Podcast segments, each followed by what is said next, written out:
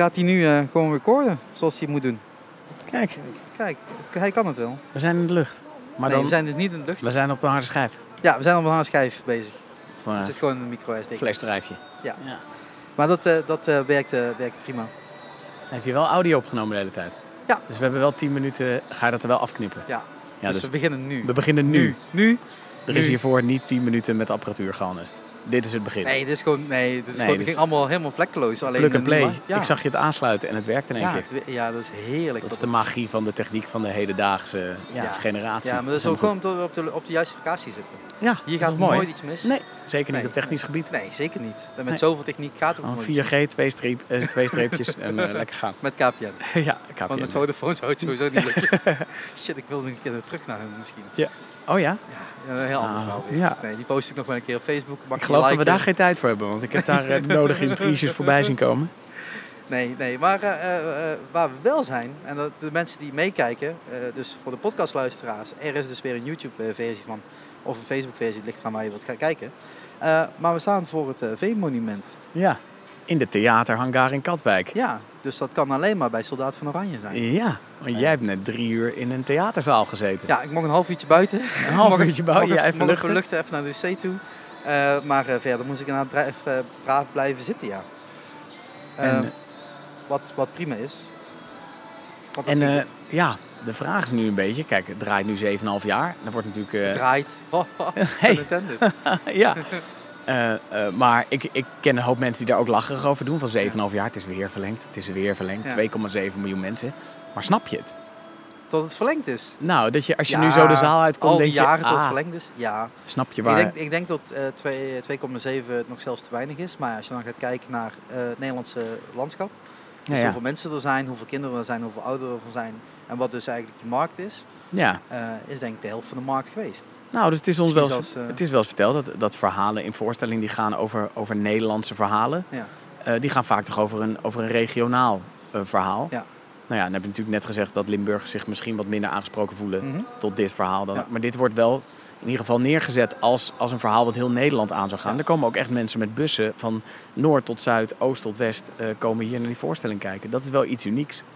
En dat, ik denk dat dat bij heel veel voorstellingen eh, niet, niet op die manier werkt. Als je gaat kijken Nee. naar bijvoorbeeld Lion King, is dat natuurlijk heel specifiek gericht op, op jeugd. Ja, ouders met, met kinderen. Ja. En dit is gewoon eh, papa, mama, opa en oma en de twee kids gaan mee. Dus je zit gewoon al met zes. Dat, dus moet je al met twee auto's komen. ja. Of een hele grote, grote car hebben. En dan is natuurlijk het, het, het verhaal is dan misschien uniek. Maar ja, goed, eh, zo'n zaal als deze, dat, dat vind je helemaal nergens anders. Nee, het is speciaal gebouwd ervoor. Ja, Eh, het eh, zoals ik kon zien in ieder geval, er zijn hele toffe YouTube filmpjes waar heel veel in uitgelegd wordt.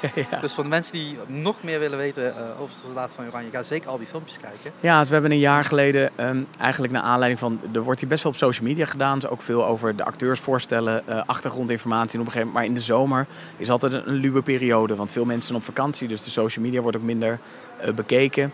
Toen hadden wij op een gegeven moment eh, het idee, ik en eh, een company manager hier, om filmpjes te maken met achtergrondinformatie over alle locaties uit de voorstelling. En toen hebben we een filmpje of tien gemaakt. En elk decor heeft zijn eigen filmpje. En dan gaan we nou, achtergrondverhalen zoeken. Dus we zijn in Nederland en in Londen zijn we de locaties uit de voorstelling op gaan zoeken. Ja, dat, dat, alleen dat, dat, dat we dat konden doen was natuurlijk al hartstikke gaaf. Ja, en dat is ook eh, eh, een, een, een belangrijk iets, die verhalen vertellen. Je vertelt niet alleen dat verhaal in, in, in de theater Ja, van drie uur, maar ook daarbuiten. Alles wat gepost wordt en geplaatst wordt en gemaakt wordt. ja, Ehm, zelfs met de, de, op de Dam, op 5, 4 mei denk ik Ja. dat was. Eh, ook op die manier uit je weer en laat je weer zien tot het een Nederlands verhaal is, dat het voor iedereen is. En dus dat er meerdere locaties in dit geval in dit, in dit spel zijn. Ja het is natuurlijk... alleen maar eh, in één, ja, hoe oneerbiedig het ook klinkt, een of ander achterkamertje is het geweest en that's it. Ja, nou, het, het, het- er gaat natuurlijk wel hier heel erg om het blijven vertellen van dat verhaal. Eh, we, horen van veel ouderen die hier in de zaal zitten eh, dat ze zich eraan storen dat het op middelbare scholen zo slecht onderwezen wordt. Of dat het er heel weinig over gaat. Dat kinderen zich er weinig bij voor kunnen stellen of ook niet eens meer weten waar die oorlog precies over ging. Terwijl we nog wel 4 en 5 mei vieren ieder jaar. Dus dat, om, dat, om dat ook geen loze feestdagen te laten zijn, eh, moet je wel weten waar, waar we als land mee te maken hebben gehad of, of waar we vandaan komen. En Soldaat van Oranje is natuurlijk wel een voorstelling, nou, een van de meest concrete voorstellingen nu. Eh, om dat aan mensen te laten zien. Ik denk dat een groot deel van het succes ook is dat mensen Eh, zelfs mensen die niet per se van musical houden, over de streep getrokken worden door iemand om je heen te komen. En dan in de zaal realiseren, maar hier moet ik met mijn ouders heen. En met mijn broers, mijn zussen, mijn Ja. kinderen. Dus heel veel mensen komen terug, ook, ook om dat, dat verhaal steeds maar aan mensen te laten zien. Dus ik denk dat dat, eh, dat dat wel een fijne of een goede functie heeft die het binnen Nederland heeft gekregen. En eh, dan even voor een leek als mij was het verschil tussen een musical en toneelstuk. Toneelstuk wordt minder ingezongen of niet, zelfs niet ingezongen. Ja, toneelstuk, Want- toneelstuk wordt over het algemeen niet per se. Wij vinden de, de scheidslijn ook lastig hoor. Want ehm, ehm, de, de voorstelling heet officieel voluit Soldaat van Oranje de Musical. Ja. Hier achter de schermen praten ze echt van muziektheater. Dus, dus eh, zien het als een toneelstuk met liedjes. Ja.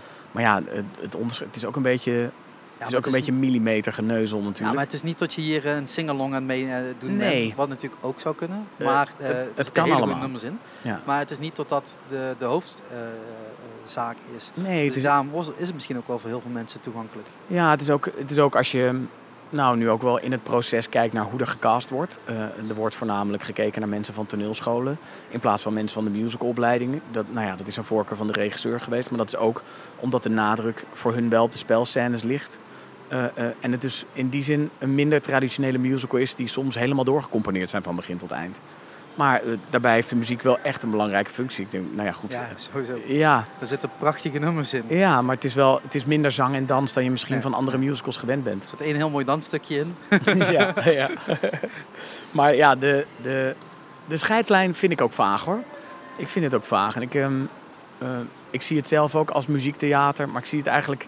Ik val er ook niet over als mensen het een musical noemen. Want dat is het eigenlijk ook. Ja, Ja. Het staat in je naam, dus dan moet je het ook maar ja, het is zo. ja. En, en eh, ja, Het had ook niet beter geklonken als het dan eh, muziektheater of... nee. Dat klinkt ook. Nee. klinkt ineens heel Hollands, hè, muziektheater. Ja, Maar goed. ehm, het waren toch 2 miljoen kaarten minder geweest. ja, wie weet het, ja. Een soort kleinkunstvoorstelling, dat had ook gekund. Ja, met, met maar drie mensen in de cast en dan Oh, in, een spotje, op Maar een dan moet je wel flink rennen. Ja, Hey, dat wel, hè. Eh, zullen, zullen we even voor gaan beginnen? Want eh, Ja, we vallen nu vooraan. gewoon eh, midden in het feit dat ik net eh, ben buiten komen lopen. Ja. Eh, wat alleen maar leuk is, want het was echt heel leuk. Dus mensen die nog moeten gaan, ga alsjeblieft. het is nu verlengd.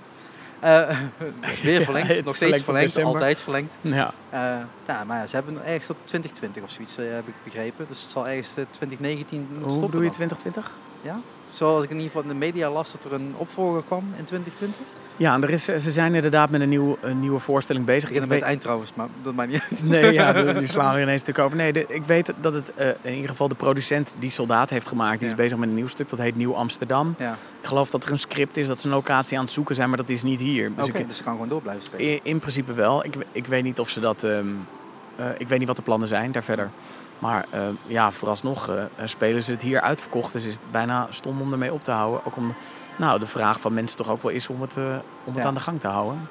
Ja, oké. Dus nou, ik, ik weet het niet. Inmiddels weten we wel, toen ze hier begonnen was het nog een hele vliegbasis. En er is ook een plan om hier een woonwijk te maken. Daarom, oh, er zijn Nederlanders zo goed in woonwijken maken. Op Ja. plekken waar je het niet moet doen. Nou ja, in, in hoeverre we er goed in zijn. Want de landingsbanen zijn hier wel al gestript. En er zijn her en der al wel bergen zand neergelegd. Maar de huizen, volgens mij, kunnen ze die pas neerzetten als de hangar hier weg is. Dus volgens mij houden ze de boel wel een beetje Eh, op. ze gaan gewoon hier omheen bouwen. Ja, en dan gaan ze dan klagen van overlast. Op, Ja. op woensdagmiddag. nou ja, Zo- zo is daarbij dan ook wel. geloof ik dat, dat Katwijk en Noordwijk en de plaatsen hieromheen ook wel blij zijn met Soldaat van Oranje. Want er komen Ja. een hoop mensen deze hoek op eh, die er anders niet gekomen waren. Dus ehm, ja, ik heb eigenlijk geen idee. Kijk, het is mijn laatste week hè. En daarna, Ja, daarna lees ik het ook in de kranten. Dus Ja. ik... eh, spannend. Ja, nou, dan zijn we inderdaad echt bij het, bij, het, bij het einde begonnen. Dus laten we even naar voren gaan. Ja, Want eh, eh, nou, ik denk dat het gewoon eh, goed is om even jou voor te stellen. Na, je hebt een lijstje. negen minuten. Ja, Ik heb een lijstje. Ik, ik, heb, ik, ik bereid me nooit voor, mensen. Eh, nu wel, want eh wil we even wat dingetjes weten. Maar nee, ik denk Ja. je, we hebben al niet gezegd dat jij uh, Marcel Achterveld bent. Nee, ik ben Mars Hartenveld. Ja, hoi. Hallo. Hoi. Ja, en de Shark Talk hebben we ook nog niet gezegd. Maar Shark Talk. Ja, maar dat is allemaal dat is normaal in Shark Talk om gewoon wat verder op te doen. Dat heeft ook geen zin om meteen maar gewoon mee te gaan roepen. Nee.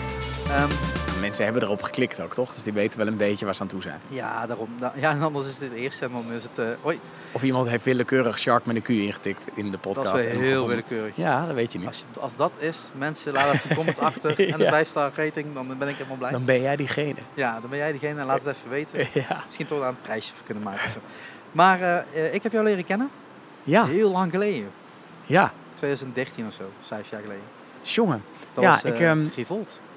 Revolte, ja. Ik was... ehm, eh, ehm, ik ben eh Marcel Hartveld dus, dat hebben we gezegd. Ja. We gaan, nu gaan we echt bij het begin beginnen. Ja, nu gaan we echt bij het begin. begin- Mijn, Eh. ons begin beginnen. Ja. Ja. Nee, ik had, ik had de toneelschool in Amsterdam gedaan. Daar heb ik Johan Frets leren kennen. Toen zijn wij een tijdje als duo door het land getrokken.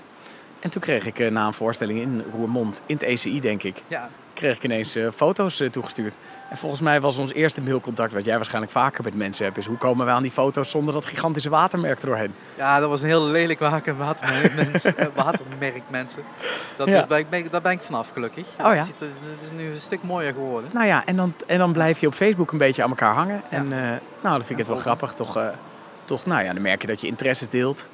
Van, van, eh, van, van kooivechten tot aan theater, tot aan geluid, tot aan eh, eh, muziek. Ja. Ehm, en eigenlijk altijd wel contact gehouden. En nu zag ik inderdaad dat jij met die podcast bezig was. Toen had je me al gevraagd. Ja. En volgens mij zei jij een paar weken terug dat je een nieuwe insteek had. Dat mensen jou moesten uitnodigen voor nieuwe ervaringen. Ja, Ja. ja, voor dingen die ik eigenlijk normaal niet zou doen. Zeker niet in de zomer. ja. Nou, dan dacht ik, naar de Randstad rijden is er al één. Oh ja. Ja, Nou ja, ik kan, Musicals 2. Twee heerlijke podcasts geluisterd. De nieuwe D-log heb ik geluisterd. En eh, de machine. En toen was ik hier. Lekker. Zo, zo, zo gaat Nou, dat zo, tijd. zo snel kan het gaan. Zo snel kan het gaan, ja. Ja, het is maar goed dat je niet in de spits terug gaat rijden. Dan had je er één extra kunnen luisteren wel. Shit, ik ga. Doei. Ben je er wel lekker bij. ik wil nog een podcast luisteren. Eh, maar Ehm, zo kennen wij elkaar, ja. ja, Dus eh de maar die, in maar, die, maar die voorstelling, eh, ja, voor mij was het echt, toen ik dat voor de eerste keer over hoorde, ik, ik dacht echt dat, ja, dat hij echt heel serieus was. Ja. Nou, Tot over van, ik wil echt presi- minister-president worden. ja, dus wij, eh, eh, wij heten toen nog de Gebroeders Frets. En Ja. eh, Johan Frets had een boek geschreven waarin hij zei dat hij in 2025 de eerste bruine minister-president van Nederland wilde worden. En dat namen heel veel mensen serieus, maar eigenlijk wij ook wel. Dus we hadden, we hadden een voorstelling. Onze voorstelling was de insteek daarvan een soort campagnebijeenkomst. Waarin ik de spindokter was om proberen om van iemand zo chaotisch als Johan toch iets presentabels te maken. Eh, omdat we tot de conclusie kwamen dat hij zijn verhaal ehm, eigenlijk vooral gestoeld was op dat we weer een verhaal nodig hadden. We moesten verhalen vertellen. Het moest weer het moest poëtisch mogen. Het moest ook weer in, in grote bogen mogen. En niet alleen maar gaan over cijfertjes en statistieken. En, ehm, maar goed, we zagen zelf ook wel in dat dat niet echt zou verkopen. Dus daarom was ik erbij als spindokter. Eh, en we speelden een beetje met de realiteit. En, en ehm, Ja, heel de- serieus aan tafel bij, bij praatprogramma's. ja, En toch de komische inslag in, in het theater zelf. Ja, dus, de, dus, dus we hebben ons na afloop ook wel veel erover gehad eh, in hoeverre we onszelf ermee geholpen hebben hoor. Maar ik denk dat Johan het ook vooral niet wilde neerzetten als grap, omdat het voor hem het thema en het idee erachter echt wel bittere ernst was. Ja. Dus hij vond dat dat in Nederland ook echt moest gebeuren. Ik weet niet of hij vervolgens ook dacht dat hij echt die minister-president zou moeten worden die dat, die dat zou, zou gaan doen. Maar hij vond wel dat wat hij vertelde, dat dat wel waar het, was. Het, het thema zelf. Ja, Ja. en het gevaar is in Nederland ook wel een beetje dat, dat ehm, nou, mensen willen je graag wel makkelijk in één woord kunnen duiden. Dus, dus als je dan zegt van, eh, joh, maar ik ben cabaretier en dit is mijn voorstelling, dan denken mensen, oh, dat alles wat hij zegt is een grap. En dat was niet zo. Dus, dus heb je dat een beetje ontkend, waardoor het ook iets raars werd. Dus dat mensen na afloop van zijn voorstelling nog niet, nou, mensen zeiden ook wel van, we gaan op je stemmen. Ja. En Ik, zou, ik zou het ook doen hoor. Geen ja, probleem. nee, dat denk ik ook. Eh, eh, nou ja, goed. Ik, ik, zou het, ik zou het experiment ook nog wel aangaan hoor. Maar dat is toch... En in eh, Amerika hebben ze ook zoiets getest. Ze hebben ze ook gewoon randomly op een lijst Die gezet. testen het een beetje de andere Ja, kant op. ja, ja. Nou, dat is ook een mooi verhaal, maar het is toch anders. Ander verhaal, volgende Ja. verhaal. Ja, en eh, toen inderdaad hebben we hebben contact blijven houden. Ja. Ehm, en eh, toen kwam je opeens met een cd uit. Hm? Haat, liefde. Liefde, haat. Haat, liefde. Haat, liefde, ja. Ja, Ja, ik had... allemaal eh, ja, li- liedjes ja. wat gewoon ja, diep van binnen komen of zo, hoe moet ik dat omschrijven? Ja, ik had... eh, Maar het eh, waren niet de meest makkelijke liedjes. Nee, het waren niet de meest makkelijke liedjes. Ik had, ehm, ik had op een gegeven moment het idee dat heel veel, lief, heel veel eh, nou, overenthousiaste liefdesliedjes waren er wel. Van eh, ik blijf bij je, ik hou van je, het, het gaat nooit meer verkeerd. En, en liedjes van mensen met een gebroken hart waren er ook wel. En ik dacht op een gegeven moment van er zijn ook wel een hoop dagen dat, ik, dat mijn gevoel er ergens tussenin zit. Dus dat ik dacht van ja, soms denk ik wel van oh ik ben hartstikke verliefd op jou en ik wil bij je blijven. Maar eh, vandaag eh, zit het er even niet op. En toen dacht ik ineens, waarom zijn daar geen liedjes over? En, en die plaat speelt daar een beetje mee. Dus het zijn of hele vrolijke liedjes over verbroken relaties... of het zijn eh, wat moeilijke liedjes met een hele positieve boodschap. En, en ik had zelf de behoefte om ook... ook omdat de voorstellingen met Johan heel vaak over politiek gingen... en mijn liedjes, dat was ook door mijn situatie toen mijn relatie ging toen uit en zo... alle liedjes gingen daarover. Ik ineens dacht, nou, dan neem ik daar een plaat mee op... gewoon ook om een beetje ermee te dealen. Eh 13 liedjes strikt eromheen en... eh, we gooien het op Spotify en dan, eh, dan is dat gebeurd. Ja, want meer heb je eigenlijk niet ermee gedaan. Het is niet tot daar Nee, hele... Ik heb het gereleased en er zijn wel één of twee singles naar de radio gegaan. Maar daar was het niet echt de muziek voor. En toen heb ik, eh, dat jaar daarna heb ik nog wel een huiskamertournee gedaan. Toen heb ik een soort oproep op internet gezet van joh, voor, eh, voor benzine en een maaltijd eh, kom ik Ja. een avond muziek maken. Nou, dan heb ik zo eh, 30, 40 keer in een jaar door, door huiskamers in heel Nederland gespeeld. En daar ben ik eigenlijk pas mee opgehouden toen ik hier bij Soldaat kwam werken. Want dat was lastig te combineren. Tijdtechnisch is dat niet te doen. Nee, ik heb dat nog wel gedaan, maar dan, we spelen hier 6 à 7 voorstellingen in de week. En dan zondags een matinee, dan ging ik op zondagavond ging ik dan nog bij mensen langs. En dan op een gegeven moment zit je naar je setlist te kijken en moet je liedjes overslaan, dat je denkt, het zit er gewoon niet meer op. Toen dacht ik, nou, misschien, eh, misschien is dit allemaal iets te overijverig.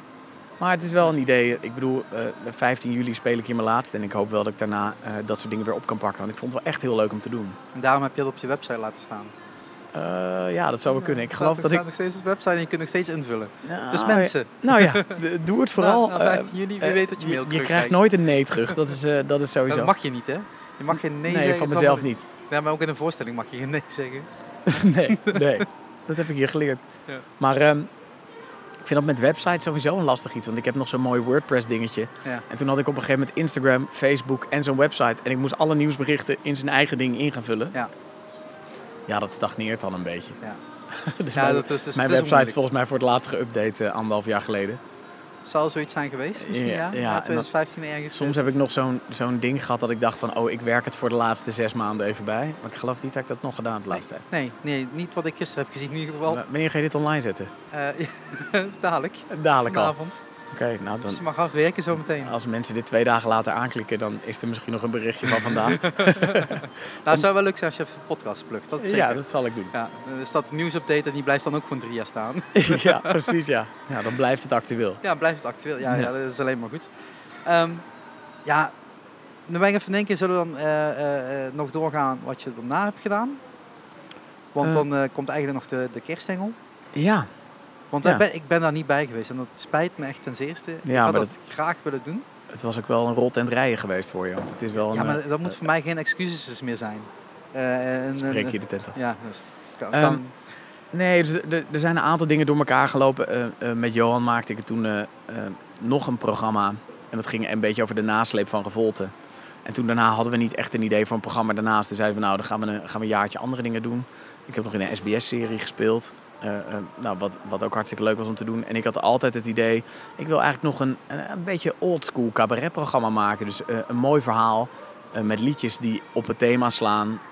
met eigenlijk grappige conferences binnen een soort fictief verhaal. En ik had gelijk het idee om dat met kerst te doen, omdat kerst zo... Nou, dat kan zo lekker kitscherig zijn als het erop aankomt. Dus, dus Net zoals het promofilmpje. ja, het promofilmpje, daar heb ik mezelf niet gespaard. Ehm, en het was, ehm, dat is het ook wel geworden. Dus ik had, het, het idee voor het programma was dat ik ehm, het aan elkaar zou rijgen met vertalingen van bekende eh, Amerikaanse kersthits. Dus, eh, dus de grootste hits zaten er wel in, in het Nederlands. En het verhaal wat ik daaromheen vertelde is dat ik al eh, 33 jaar in mijn leven op zoek ben eh, om een echte engel te ontmoeten. Dat ik al van een kind af aan op mijn christelijke basisschool verhalen over engelen hoorde en dacht... Oh, dat, dat gaat me ooit gebeuren. En dat ik na 33 jaar ineens dacht van nou, het is nog niet gebeurd. eh, eh, hoe ga ik die ooit ontmoeten? En dat ik dan besluit mezelf met mijn gitaartje dakloos te verklaren... in de hoop dat ik op straat een engel tegenkom. En dan samen met een aantal andere daklozen eh, verzin ik het eh, idee, kom ik tot het idee om een, eh, het grootste kerstfeest van het jaar te organiseren. Omdat ik zeker weet dat op een kerstfeest toch wel een engel zal verschijnen. En dat, en dat is eigenlijk het verhaal wat ik door de voorstelling Daar vertel. had ik graag bij geweest. Ja, het was. Het was ook echt leuk om te doen. En ik heb dat dus dit jaar, eh, heb ik, heb ik eh, afgelopen kerst, heb ik drie weken van soldaat vrijgekregen om, dat nog, om daar nog een klein Oh, toertje mee te kunnen doen. Dus ik heb dat twee jaar rij gedaan. En dat was ook wel heel leuk. En zo'n programma zou ik nu nog wel weer willen maken voor het seizoen erop. Dus dat wordt eigenlijk een beetje voor komend jaar het idee. We gaan weer, eh, we gaan weer aan de schrijf. Met gitaar. Met dat, was- gitaar. Dat was de enige vraag die ik echt binnen heb gehad waarvan ik denk, ik kan niets mee. Ja, Maar met was, gitaar. gij, was geheid een vriend van mij. Ja, Ehm, nee, dat is wel weer het idee, ja. Oh ja, inderdaad. Ja, want had een vriend van mij ondergezet. eh, hij weet niet eens meer hoe hij gitaar vast moet houden. ja, aan het foto te zien klopte dat. Ja, dat was ook. Ja, dat was, ik vond het wel een mooie pose. Het was inderdaad, gitaartechnisch klopte niet veel van. Nee, maar dat hoeft ook niet. Het gaat om de pose. Ja, Foto's. eh, nee, dus het, eh, het idee voor komend seizoen is inderdaad wel een nieuw programma en een nieuw album. Zo. Die aan elkaar gekoppeld zijn. Ja, dat weet ik niet. Maar dat zou wel handig zijn natuurlijk. Nee, je ik- promo. ja, ik had, eh, mijn mijn eerste plaat was toch wel was behoorlijk kleinkunst. En ik zou toch wat poppier en eigenlijk het liefst zelfs een rockplaat maken in het Nederlands.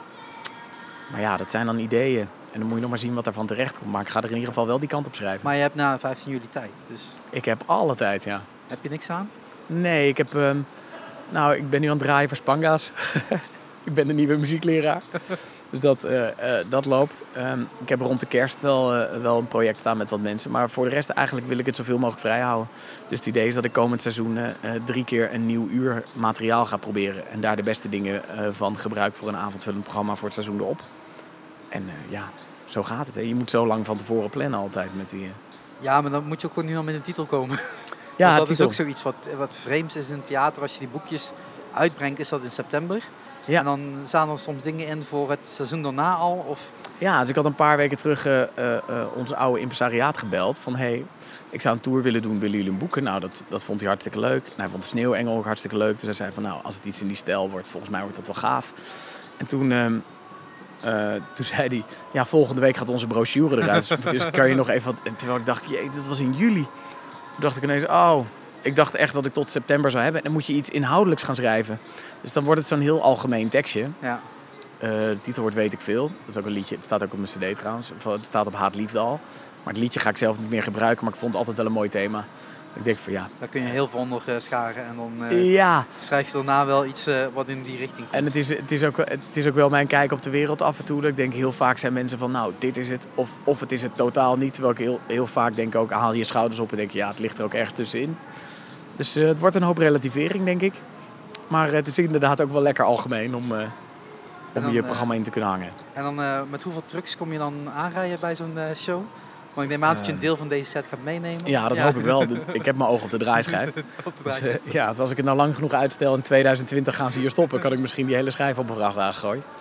Maar eh, nee, misschien moeten we klein beginnen. Misschien een klein draaischijfje. Klein, gewoon eentje. Waar Ja. je Zo'n enkel soort, op kan staan. soort plaatspeler. Dat je zo je je eigen as kan draaien. zetten. Ja. Jij hebt de gitaar. Nou ja, of allebei. In sync.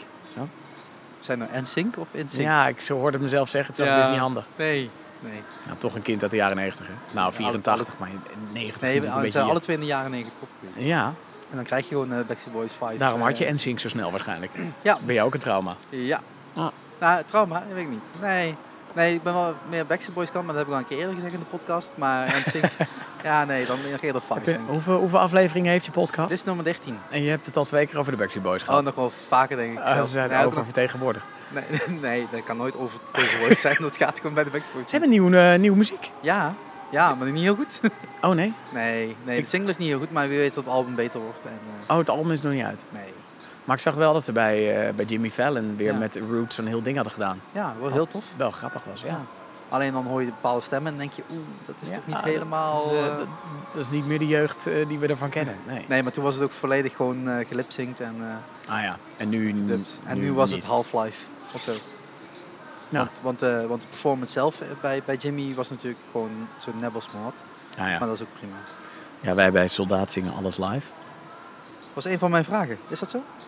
Ja, tuurlijk, ja. Nee, het is een vraag. Ik weet het niet. Het Oh, is- ik, eh, ik verwachtte in ieder geval dat het volledig live zou, eh, zou zijn. En Ja. zo komt het in ieder geval ook over. Dus eh, de- was de vraag als het dan anders zou zijn. ik geloof dat er twee muziekstukken zijn, orkestbanden. Eh, maar dat is vooral bij Bramsdans. En het stuk aan het eind. Gewoon omdat het technisch anders niet kan. Ja, volgens mij omdat dat strak op de muziek ligt. Alle cues en dat soort dingen. En dat is echt een heel orchestraal stuk. En wij hebben een band met minder mensen. Acht, Ja. negen.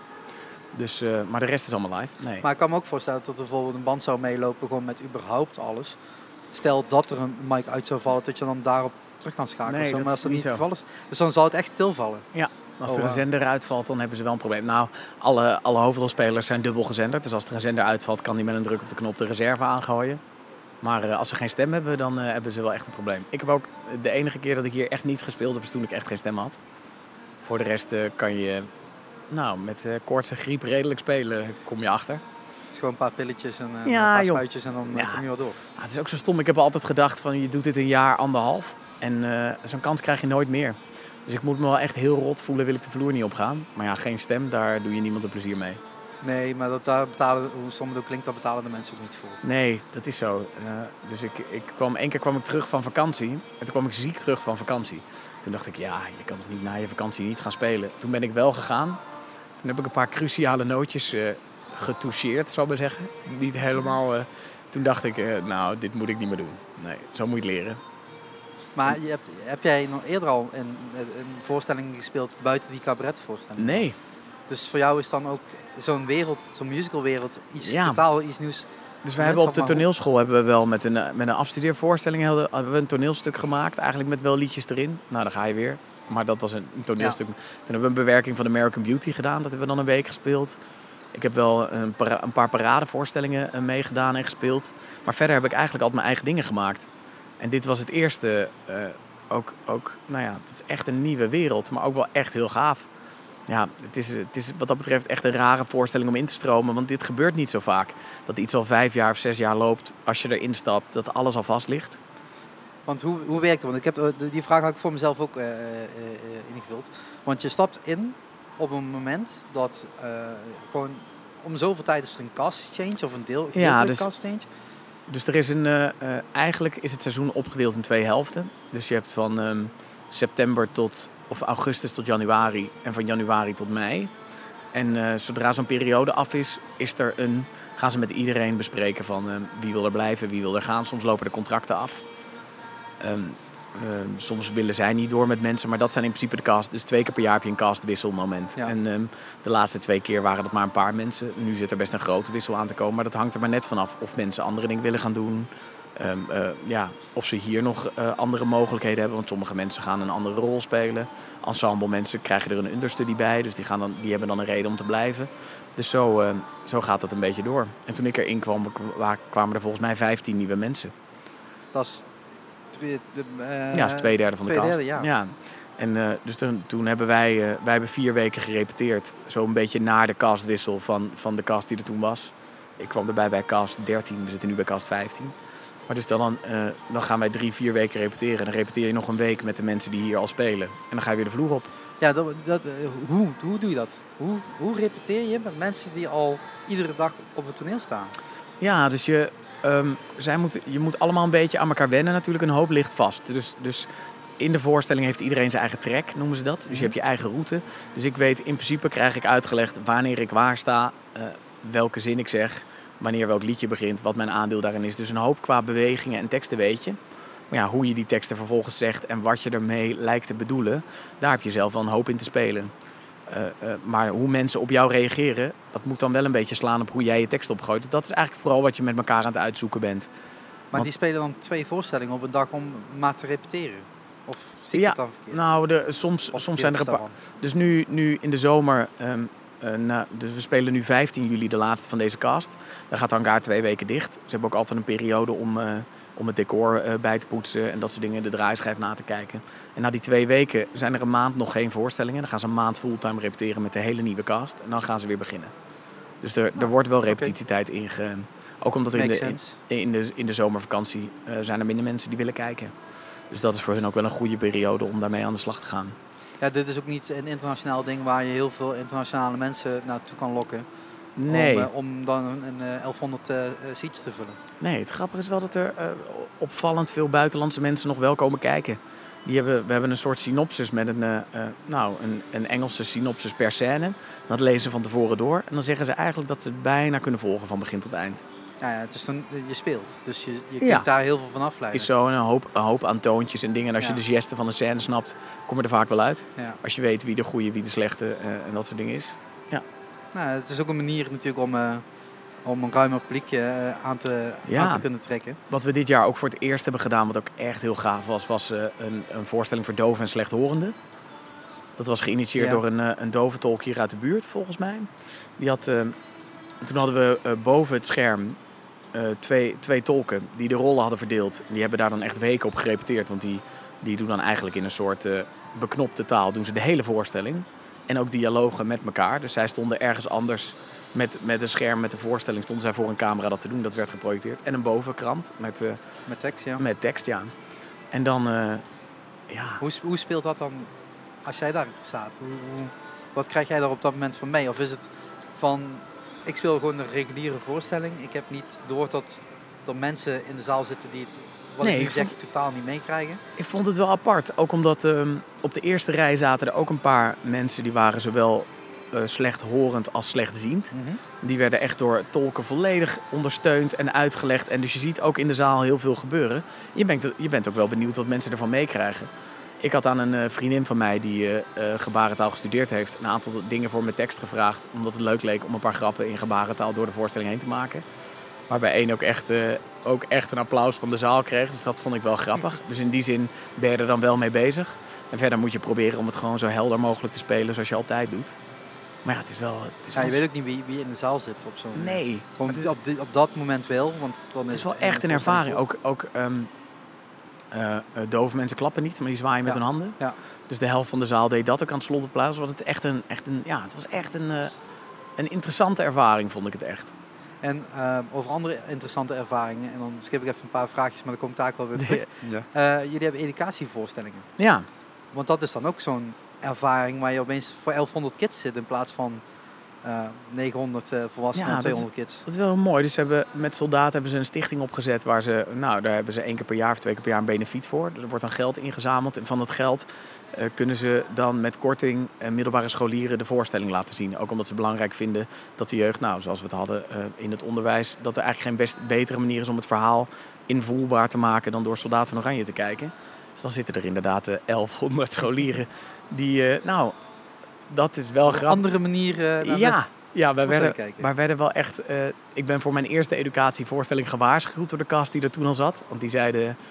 van, nou ja, de reacties die je normaal krijgt uit de zaal, daar kan je niet op vertrouwen. Dus we hebben grappen. Er, er, zit, er zit bijvoorbeeld een lichte verwijzing naar Allo Allo ergens in een zin die een Brit maakt. Maakt niet uit. Maar dus de oudere mensen, die hoor je er altijd wel over. Die zitten elkaar aan te tikken. En dan als je die grap probeert te melken in een zaal met 1100 scholieren, dan hoor je de krekels. Dus het is, eh, en, en zodra het over nou, seksuele, fysieke dingen gaat, dan Ja. hoor je ze allemaal giechelen. En, ehm, dus het is, het is, wat dat betreft is het een hele, het is een hele andere atmosfeer. Maar ze gaan wel allemaal met grote ogen de zaal uit. Maar doen jullie als eh, cast of als productie ook nog iets richting die, naar die kinderen toe? Gaan jullie Ja. naar scholen toe om, om daar een, een, deel te doen? Of eh, Nee. hier in de foyer een soort meet and greet-achtig ding? Nee, dus Om soms, soms doen we dat wel. Bij scholieren eigenlijk minder.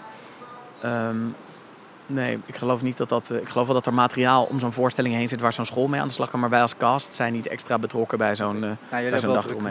genoeg. Ja. ja. Op zich speel je wel je voorstelling. Dat is eigenlijk het beste wat je kan doen. Ehm, eh, en verder zien we die scholieren niet. Nee, ik heb dat, ik heb dat één keer wel gedaan. Maar dat. eh, maar ja, dan, dan kom je eigenlijk ook. Dan heb je het niet inhoudelijk meer over de voorstelling. Dan is het gewoon, hé, hey, mooie voorstelling. Ja, ja, maar oké, dat, dat, dat moet er ook bij zijn natuurlijk. Is ook zo. Maar dan is het inderdaad wel lastig om... eh, Nee, maar ik ben eigenlijk op zoek naar van hoe worden verhalen nog doorverteld op school. Want als je dan lesmateriaal hebt en je Ja. moet uit droge stof zien en leren. En nou, in dit geval eindigt het daar niet bij, want je komt nog naar deze voorstelling toe. Het is zo. Eh, maar, maar op scholen, ja, eh, voor mijn gevoel werd er vroeger wel wat meer gedaan om dan nog overledenen erheen te halen. Om daar natuurlijk een Ah, verhaal ja. te vertellen. Ja, die Eh, worden ook schaarser waarschijnlijk. Ja, en dat, als dat dadelijk stopt, want zo werkt het natuurlijk, dan ga je natuurlijk naar andere oorlogen kijken of dergelijke. Ja. Van de Tweede Wereldoorlog zijn er niet, is er geen, niemand meer die het zo nadrukkelijk zou kunnen vertellen. Terwijl misschien de hoofdrolspeler hier of een van jullie anderen, want jullie zijn allemaal betrokken natuurlijk Ja. bij het verhaal, ehm, wel op, een, op die manier nog een gesprek op gang zou kunnen krijgen in zo'n klas. Nou ja, en zelfs dan, hè, ik bedoel, buiten de context van deze hangar zijn wij niet per se meer belezen in de Tweede Wereldoorlog dan, dan misschien eh, andere mensen. Dus Nee. zodra wij naar een middelbare school zouden gaan, ben je gewoon een acteur die toevallig in een stuk over de Tweede Wereldoorlog speelt. Ehm, ik, ik weet wel dat toen wij die filmpjes waren maken met de achtergrondinformatie hier, zijn wij hier naar het ehm, Engelandvaardersmuseum geweest in Noordwijk. Daar is een nog levende Engelandvaarder, eh Eddie Jonker. En dan zit je Ja, daar 97 of zoiets, 98. Zeven, nee, ja, het is echt dik in de 90. En die, zodra zo iemand begint te praten, dan zit je, zit je aan de grond genageld. Ja. Dan gaat het over Erik Haashoff en die heeft hij dan de hand geschud. Dat je denkt, oh, dat, het is nog zo dichtbij allemaal eigenlijk. Ja. Want je denkt ook bij de Tweede Wereldoorlog, nou, dat was in die tijd dat er alleen nog maar zwart-wit camera's waren. Maar dan komt het wel even gewoon, eh, eh, dan staat er gewoon weer iemand voor je neus die er gewoon aan het vertellen was. Die dan bij zo'n een foto bij zo'n Dakota heeft, die wij hier in de achtertuin hebben staan, omdat het een requisiet is in je voorstelling. En dan wordt het wel een stuk, ehm, stuk heftiger van allemaal. We hadden hier een laatste, een paar weken terug een groep met ehm, veteranen. Die zijn dan in de 30, in de 40. Dat zijn Mhm. veteranen die op tour zijn geweest in eh, Irak of Afghanistan. Eh, maar die zeggen dit ook van, het, het, het grijpt je weer zo naar de strot. Want de, ja, het gevoel is altijd hetzelfde natuurlijk. Dus eh, af en toe is het voor ons als acteur ook goed om aan dat soort mensen zo te merken eh, hoe belangrijk het is wat je staat te spelen. Dat je af en toe denkt van nou, het is, je staat niet echt maar een musical te doen. Je bent mensen wel echt, nou hoop je in ieder geval, probeer ze iets duidelijk of in, invoelbaar te maken van een tijd die er niet meer is. En ja, dat is, dat is toch wel een beetje de kracht van wat we staan te doen. Maar dus ik, ik geloof niet per se dat het in een spreekbeurt zit op een middelbare school. Ik geloof dat dat de voorstelling is. Dat dat, ja. ja, en ehm, zodra je mensen daarin meer wil leren over de Tweede Wereldoorlog, dan zijn er echt mensen die dat een stuk beter kunnen dan wij. zijn zeker nog een aantal projecten die het zeker eh, goed eh, kunnen overbrengen. Ja, en Soldaat doet dat wel, want ik bedoel, hier in de hoek is dan zo'n expositie Ja. met, met, met dingen over het verhaal en over de Tweede Wereldoorlog. En we zitten natuurlijk voor dat V-monument. Dat is ooit bedacht eh, voor het vijfjarig bestaan, maar het is uiteindelijk geplaatst bij het 7,5-jarig bestaan. Een goed idee, moet je soms misschien even over nadenken. Ja. Maar er is een eh, oproep geweest voor, eh, naar mensen, bezoekers. eh, mensen die nog spullen hadden uit de Tweede Wereldoorlog met een verhaal om dat in te zenden. Dat is allemaal in een loods verzameld. Alles is 3D gescand. Al die verhalen zijn opgeschreven. Die staan hier op een tablet ook. Er is een expositie met een deel van, want we hebben veel meer dingen dan dit. Hebben ze eh, in het monument gezet. En er is een website gekomen waar je alles op kan bekijken en op nalezen. Eh, en dat zijn toch allemaal dingen waar Soldaat wel in investeert. En wat volgens mij ook echt belangrijk is om het, om het invoelbaar te houden. En Ja. ja, dat is sowieso voor eh, het documenteren en het vastleggen. toen, toen de oorlog net voorbij was. Mensen zijn daar of course niet mee bezig op dat moment. Nee. Alleen het is steeds moeilijker gaandeweg om het nog te kunnen terughalen. Ja, Dus dat er nog mensen zijn die naar dit soort spullen op, eh, op zolder hebben liggen. En Ja. denken van ja, eh, we moeten daar toch iets Misschien mee. weet Is je ook niet of het, of het een belangrijke Exact. rol speelde of niet. Ik, eh, ehm, wat, ik, wat ik begrijp van de mensen die in Engeland hebben gezeten, of, of, of in ieder geval in het buitenland, om hier het verzet te steunen, dat, dat na de oorlog ook een hoop mensen terugkwamen en die op zich wel verhalen hadden en een hoop hadden meegemaakt. Eh, maar dat er ook gewoon mensen terugkwamen uit kampen. Mensen terugkwamen uit bezette gebieden die het echt heel zwaar hadden gehad. En dat, eh, eh, dat je dan niet zo snel ging zitten vertellen dat je ergens aan de andere kant van de zee wel verzorgd hebt zitten wachten tot je hier een keer ingezet kon worden. Dus dat er een hoop verhalen echt stilgehouden zijn. Ja. Uit een soort, nou ja, uit, bijna uit een soort, nou gêne is het niet, maar wel uit een soort ongemak naar de mensen toe die het, heel, die het hier echt heel zwaar hebben gehad. En dat mensen tegen het eind van hun leven daar, daar langzaam over zijn gaan praten. Maar dan een hoop verhalen ook echt gewoon nooit zijn doorverteld. Dus, eh, nou ja, en de verhalen die we hebben worden er natuurlijk ook steeds minder. En de mensen die er zijn ook. Dus, dus het En is dat wel... vastleggen ervan, wat ik Ja. zeg.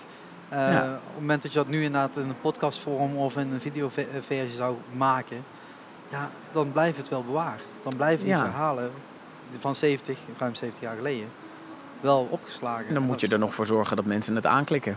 Of, of het voor ogen krijgen. Ja, of in ieder geval tot een website. Hè? Ja. Tot in ieder geval het er staat. Ja. Of een voorstelling. Niet iedereen zal er inderdaad even geïnteresseerd in zijn.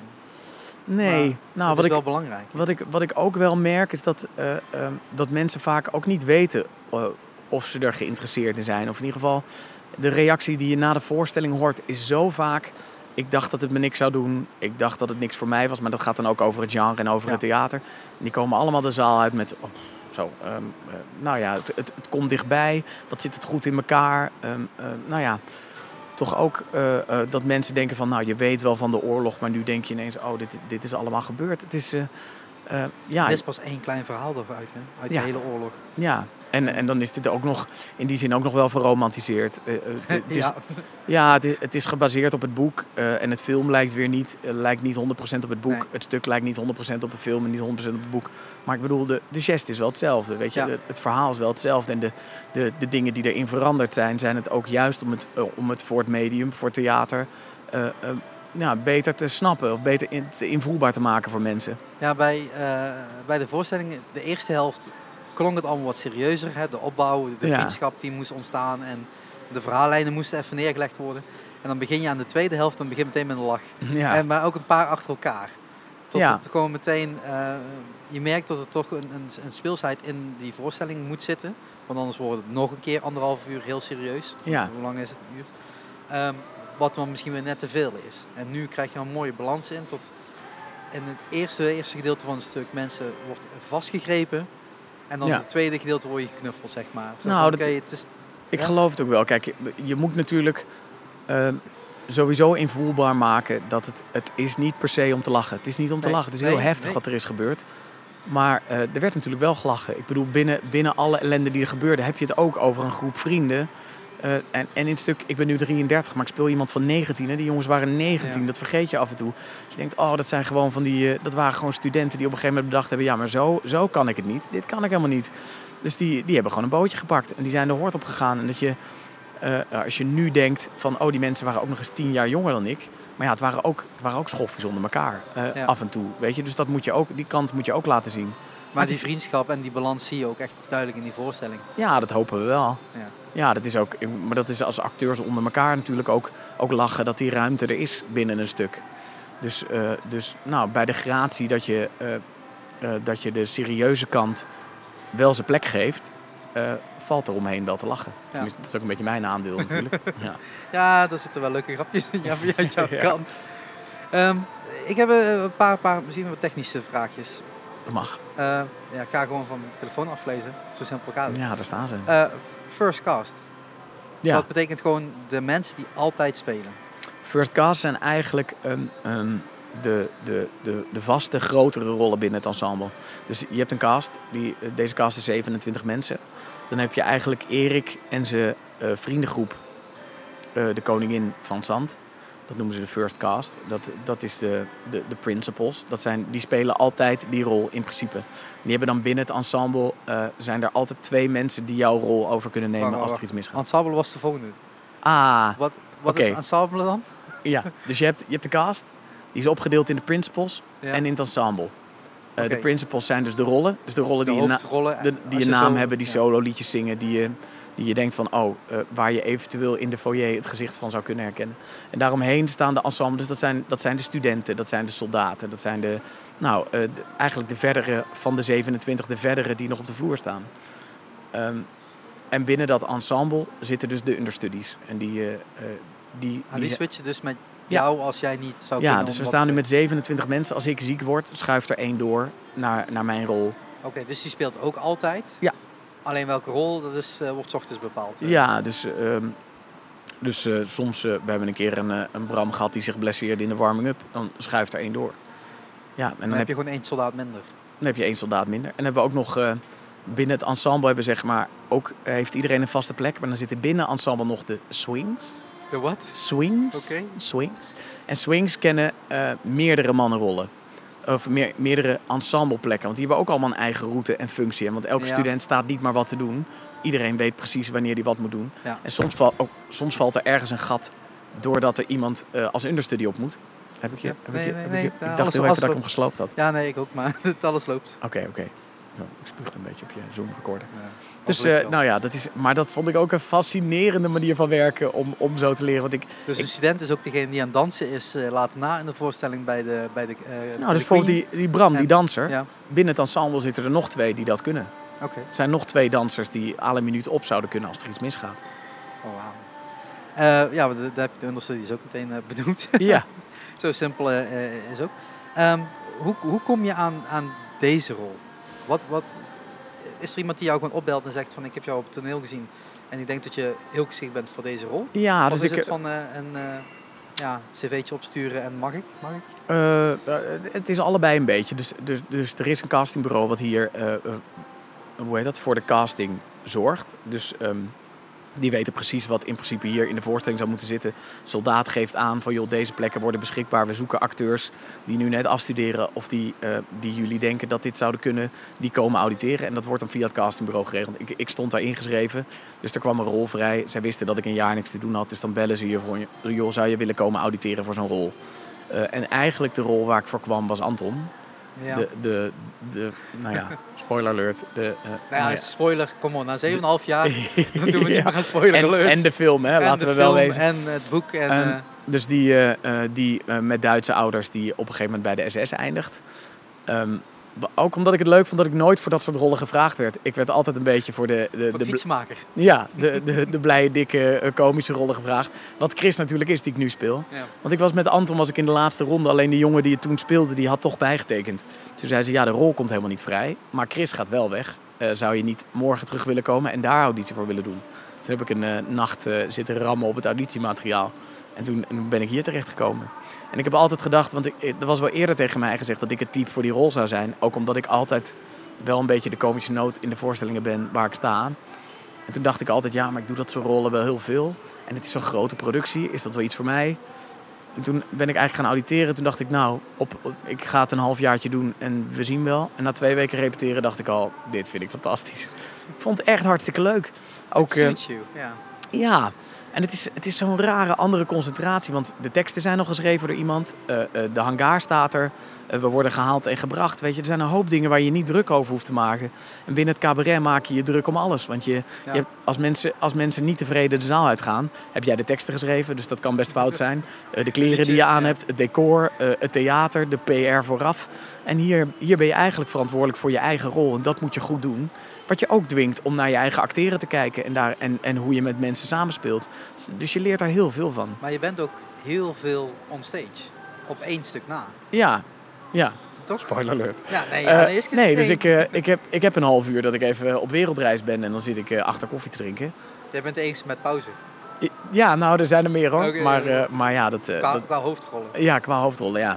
En ehm, eh, eh, dat, dat is wel zo, ja. En voor de rest ben je eigenlijk altijd wel bezig. Ik vind dat ik een heel mooi aandeel heb binnen de voorstelling en ook wel een aandeel wat me ligt.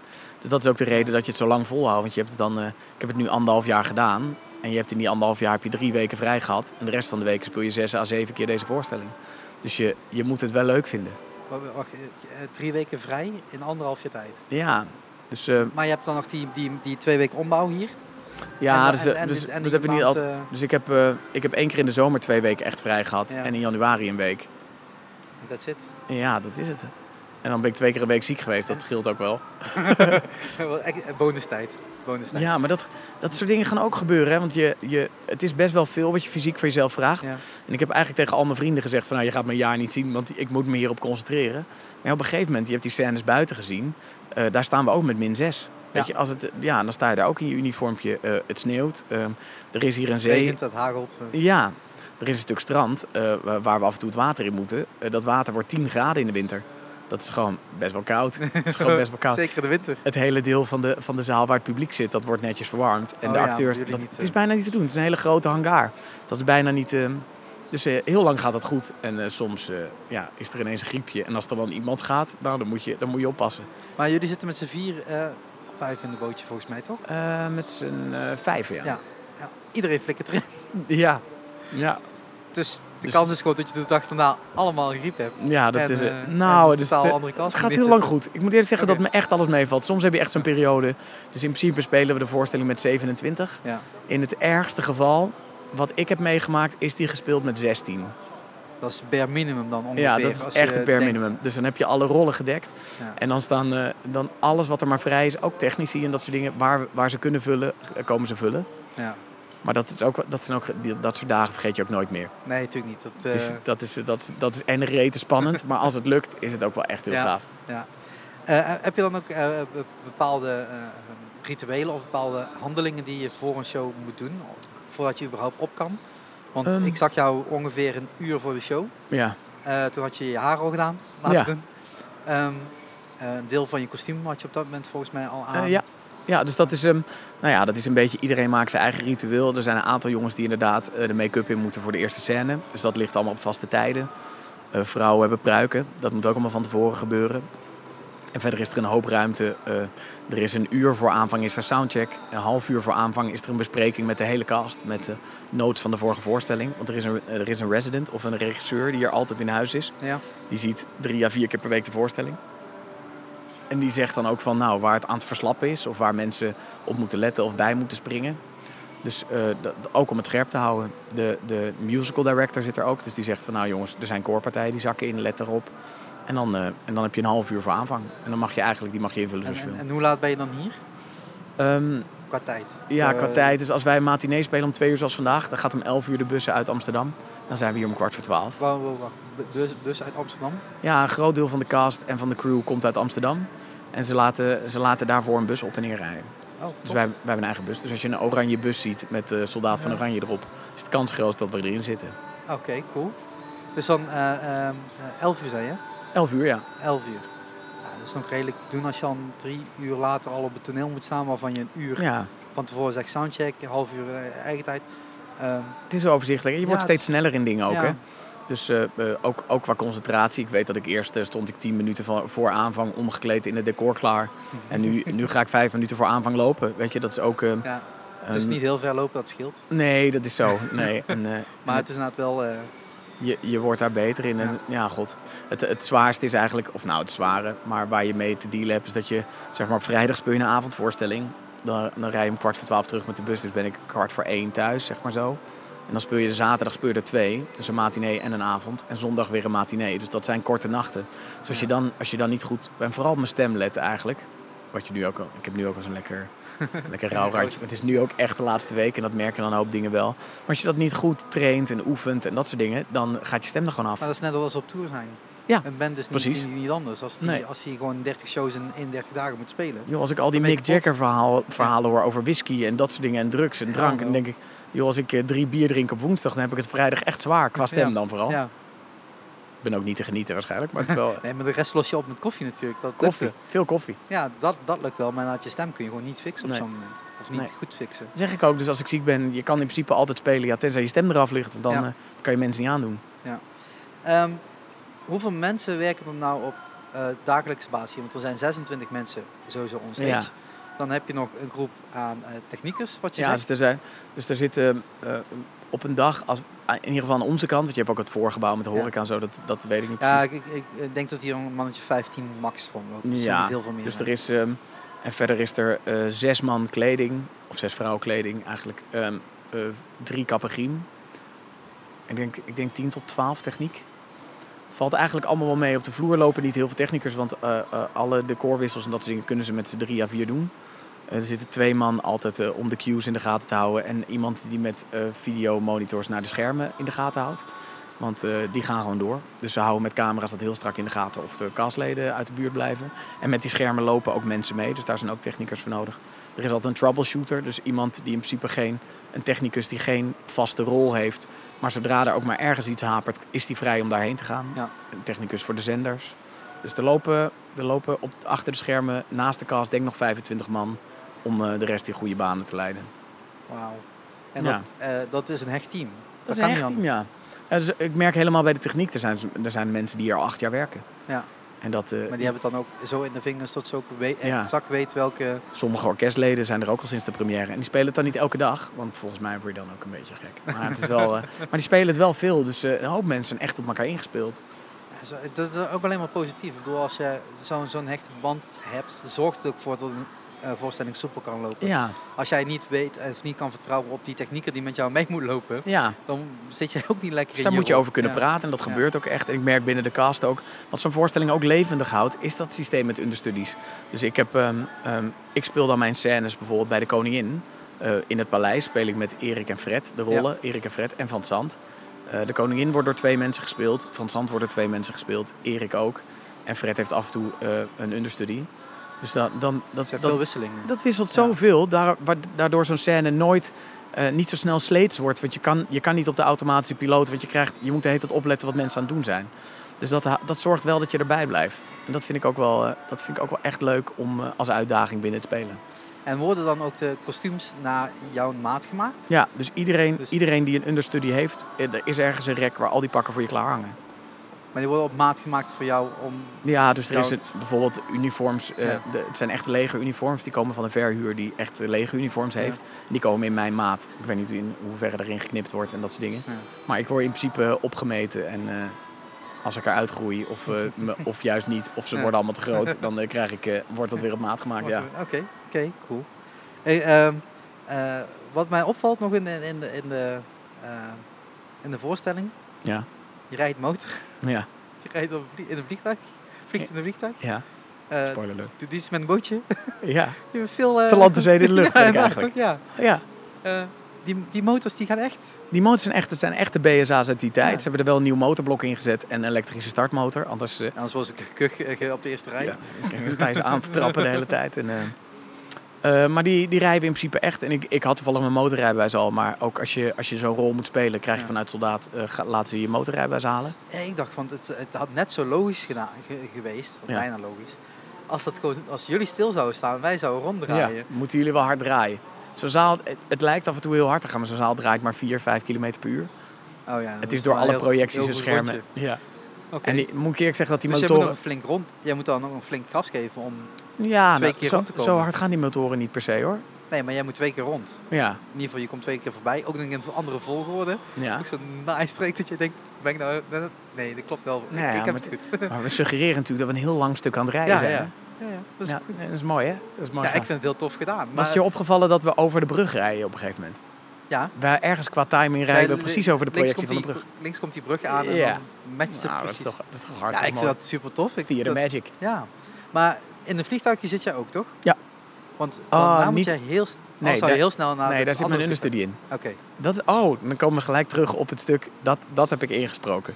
ja, want nu denk ik, dan kan het niet. Ja, Want ik ja. hoor jou. Nee, je hebt En ik was ja. aan het twijfelen. Ik denk, ik zie jou volgens mij niet zitten. Nou, als ik zat net zei te denken, staan, staan, staan er stemmen op band? Dat staat dus dat, op band. Dat, dat, band. maar dat, is, dat mag. Dat Ja. is niet... eh, dat is oh, en trouwens bij het bootje, als wij eh, het water ingaan en de muziek begint te spelen Ja. en, we, en we varen weg en het bootje staan onze stemmen ook op band. Dus dat is ook... ja, anders red je het niet. Nee, Nee, of je zou iedere moet je keer... heel hard schreeuwen over de muziek heen, 1100 Ja. man. Nee, dat werkt niet. Nee. Nee, oké, maar het zijn van die logische Ja, eh, setups. nou, en zolang je het niet merkt, is het ook... zijn. Het houdt de illusie. eh, ja, mooi, ja. Ehm, maar als jij nu in dat... eh, de vliegtuig zit zit je dus niet.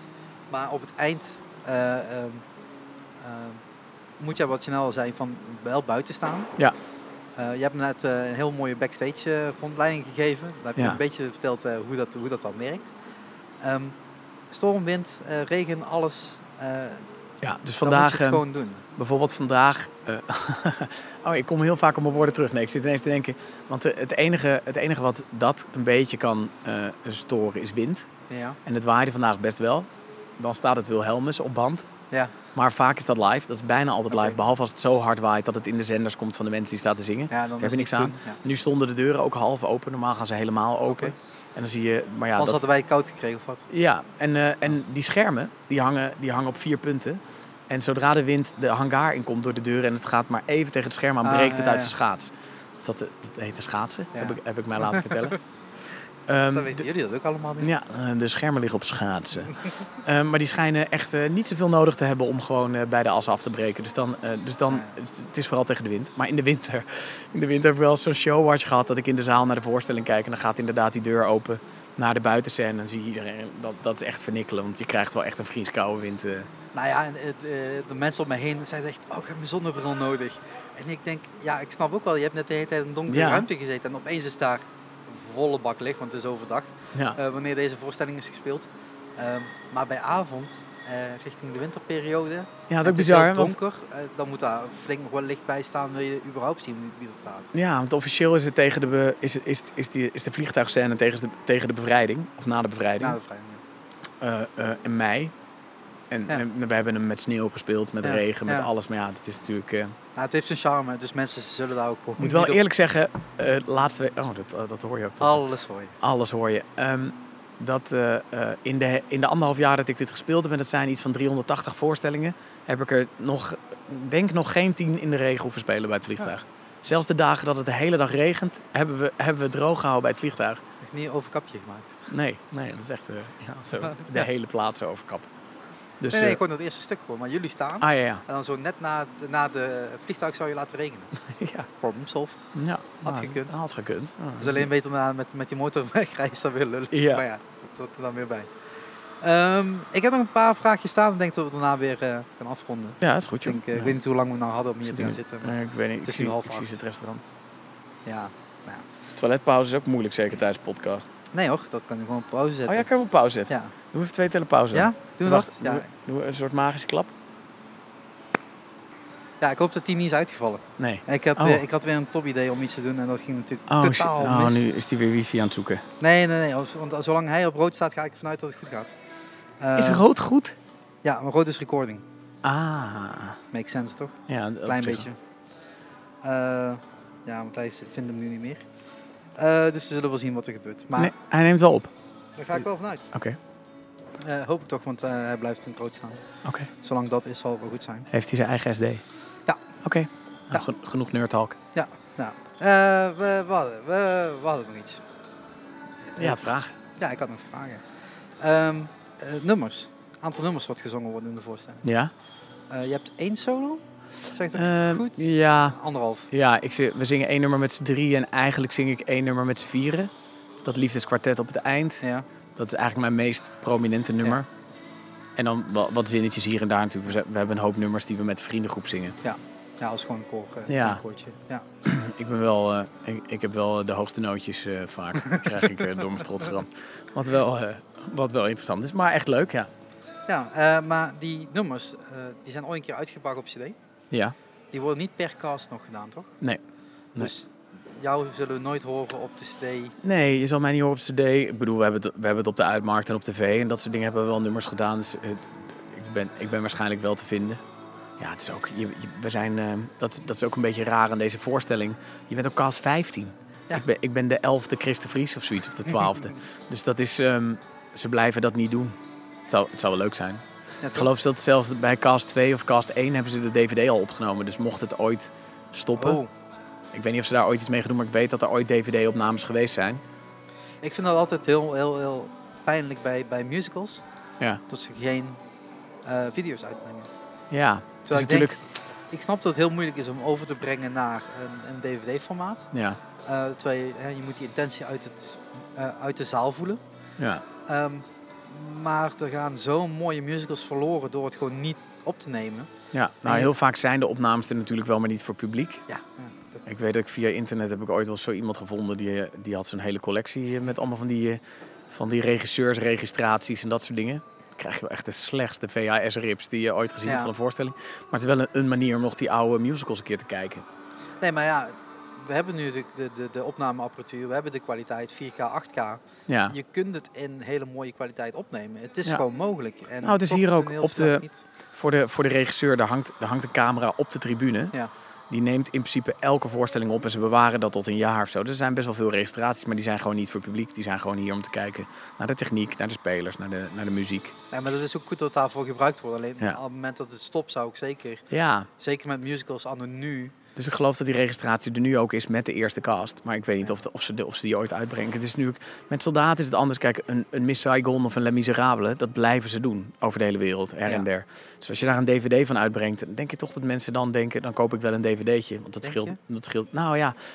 eh, Hetzelfde hoor je altijd met, met een duur, CD hè? of met een, eh, CD of een, eh, een live optreden Ja, van, van bands. Dat mensen toch zeggen, ja, maar dan gaan we niet meer. Fans gaan toch, de gewone mensen gaan ook. Want ja. Maar kijk, ik bedoel, als ik naar... eh, ik ben dan zelf een Springsteen-fan. Als ik naar Springsteen ga, ga ik om Springsteen te zien. Ehm, eh, ik denk dat naar, La- naar Les Miserables ga je niet per se voor sommige mensen. Ik denk ook wel, maar het grootste deel van het publiek gaat voor de voorstelling. ja, En die kan je ook wel zien op een dvd. En, eh, nou ja... Ik bedoel, ik ben het er niet mee. prijsticketverschil. Ja, dat bedoel ik. Ik ben het er niet mee eens, want ik zou ook naar theater gaan. Want, eh, nou ja, goed, je, je bent er notabene voor opgeleid en je houdt ervan. Maar eh, als, eh, sommige mensen hebben het echt niet zo breed. En dan is 60 euro voor een kaartje is echt wel Ja, veel Ik geld. was gisteren aan het kijken voor Hamilton in Londen. Ja, Dat was gewoon 200. ja dat wordt pond. sparen. En dan denk je, nou ja, even kijken, een stol achterin is 37,5 pond. Dus dat is ook 50 euro. Ja, zit je op het schellinkje. Ja. Ja. ook geen zin in. Dus als je wilt gaan, dan zit je rond de 100 pond. Dan heb je een restricted view. Dus dan moet je eigenlijk alweer naar de net iets duurdere. Ja. Ja. ja, 200 pond. Ik krijg het echt niet over mijn hart hoor. Echt niet. Nee, dus dat snap ik. Dus kijk, als er dan een dvd is, dan denk je van nou, dan heb ik het in ieder geval gezien. Ja. Dus ik heb op internet ook wel eens echt hele slechte rips van musicals zitten kijken, omdat ze niet in Nederland zijn of, en je wil ze toch zien. Dan hoop ik altijd nog wel dat ik naar zo'n musical toe kan uiteindelijk. Maar ik snap wel dat als er alternatieven zijn, dat dat voor een, een deel van het publiek echt wel een goed Ja, kijk alternatief naar wat is. je, wat je zegt. Sommigen die, die lopen altijd of die zijn ergens altijd wel een keer in uitvoering. Ja, Maar zo'n Lord of Rings, die hebben ze gewoon kut klaar. Daar gaan we niks meer mee doen. ah ja. Ehm, wat ook heel logisch is. Eh, want die, die, die tijd is gewoon gedaan. ja. Ehm, maar daar is ook geen, geen bewijslast van. Terwijl ze voor de promo en de trailer het wel hebben. ja. En denk, dus ja, er is dat- ook altijd wel beeldmaat. dus. Ja, stom is dat. En Misschien dat ze over tien jaar zeggen van joh, we gaan het echt niet meer doen, dat er dan eens een keer iets komt. Ja. Dat is misschien aan de late kant. Ja, ik, ik betwijfel het. Ik weet niet hoe lang, het is best lang geleden dat ik die heb gezien in Londen.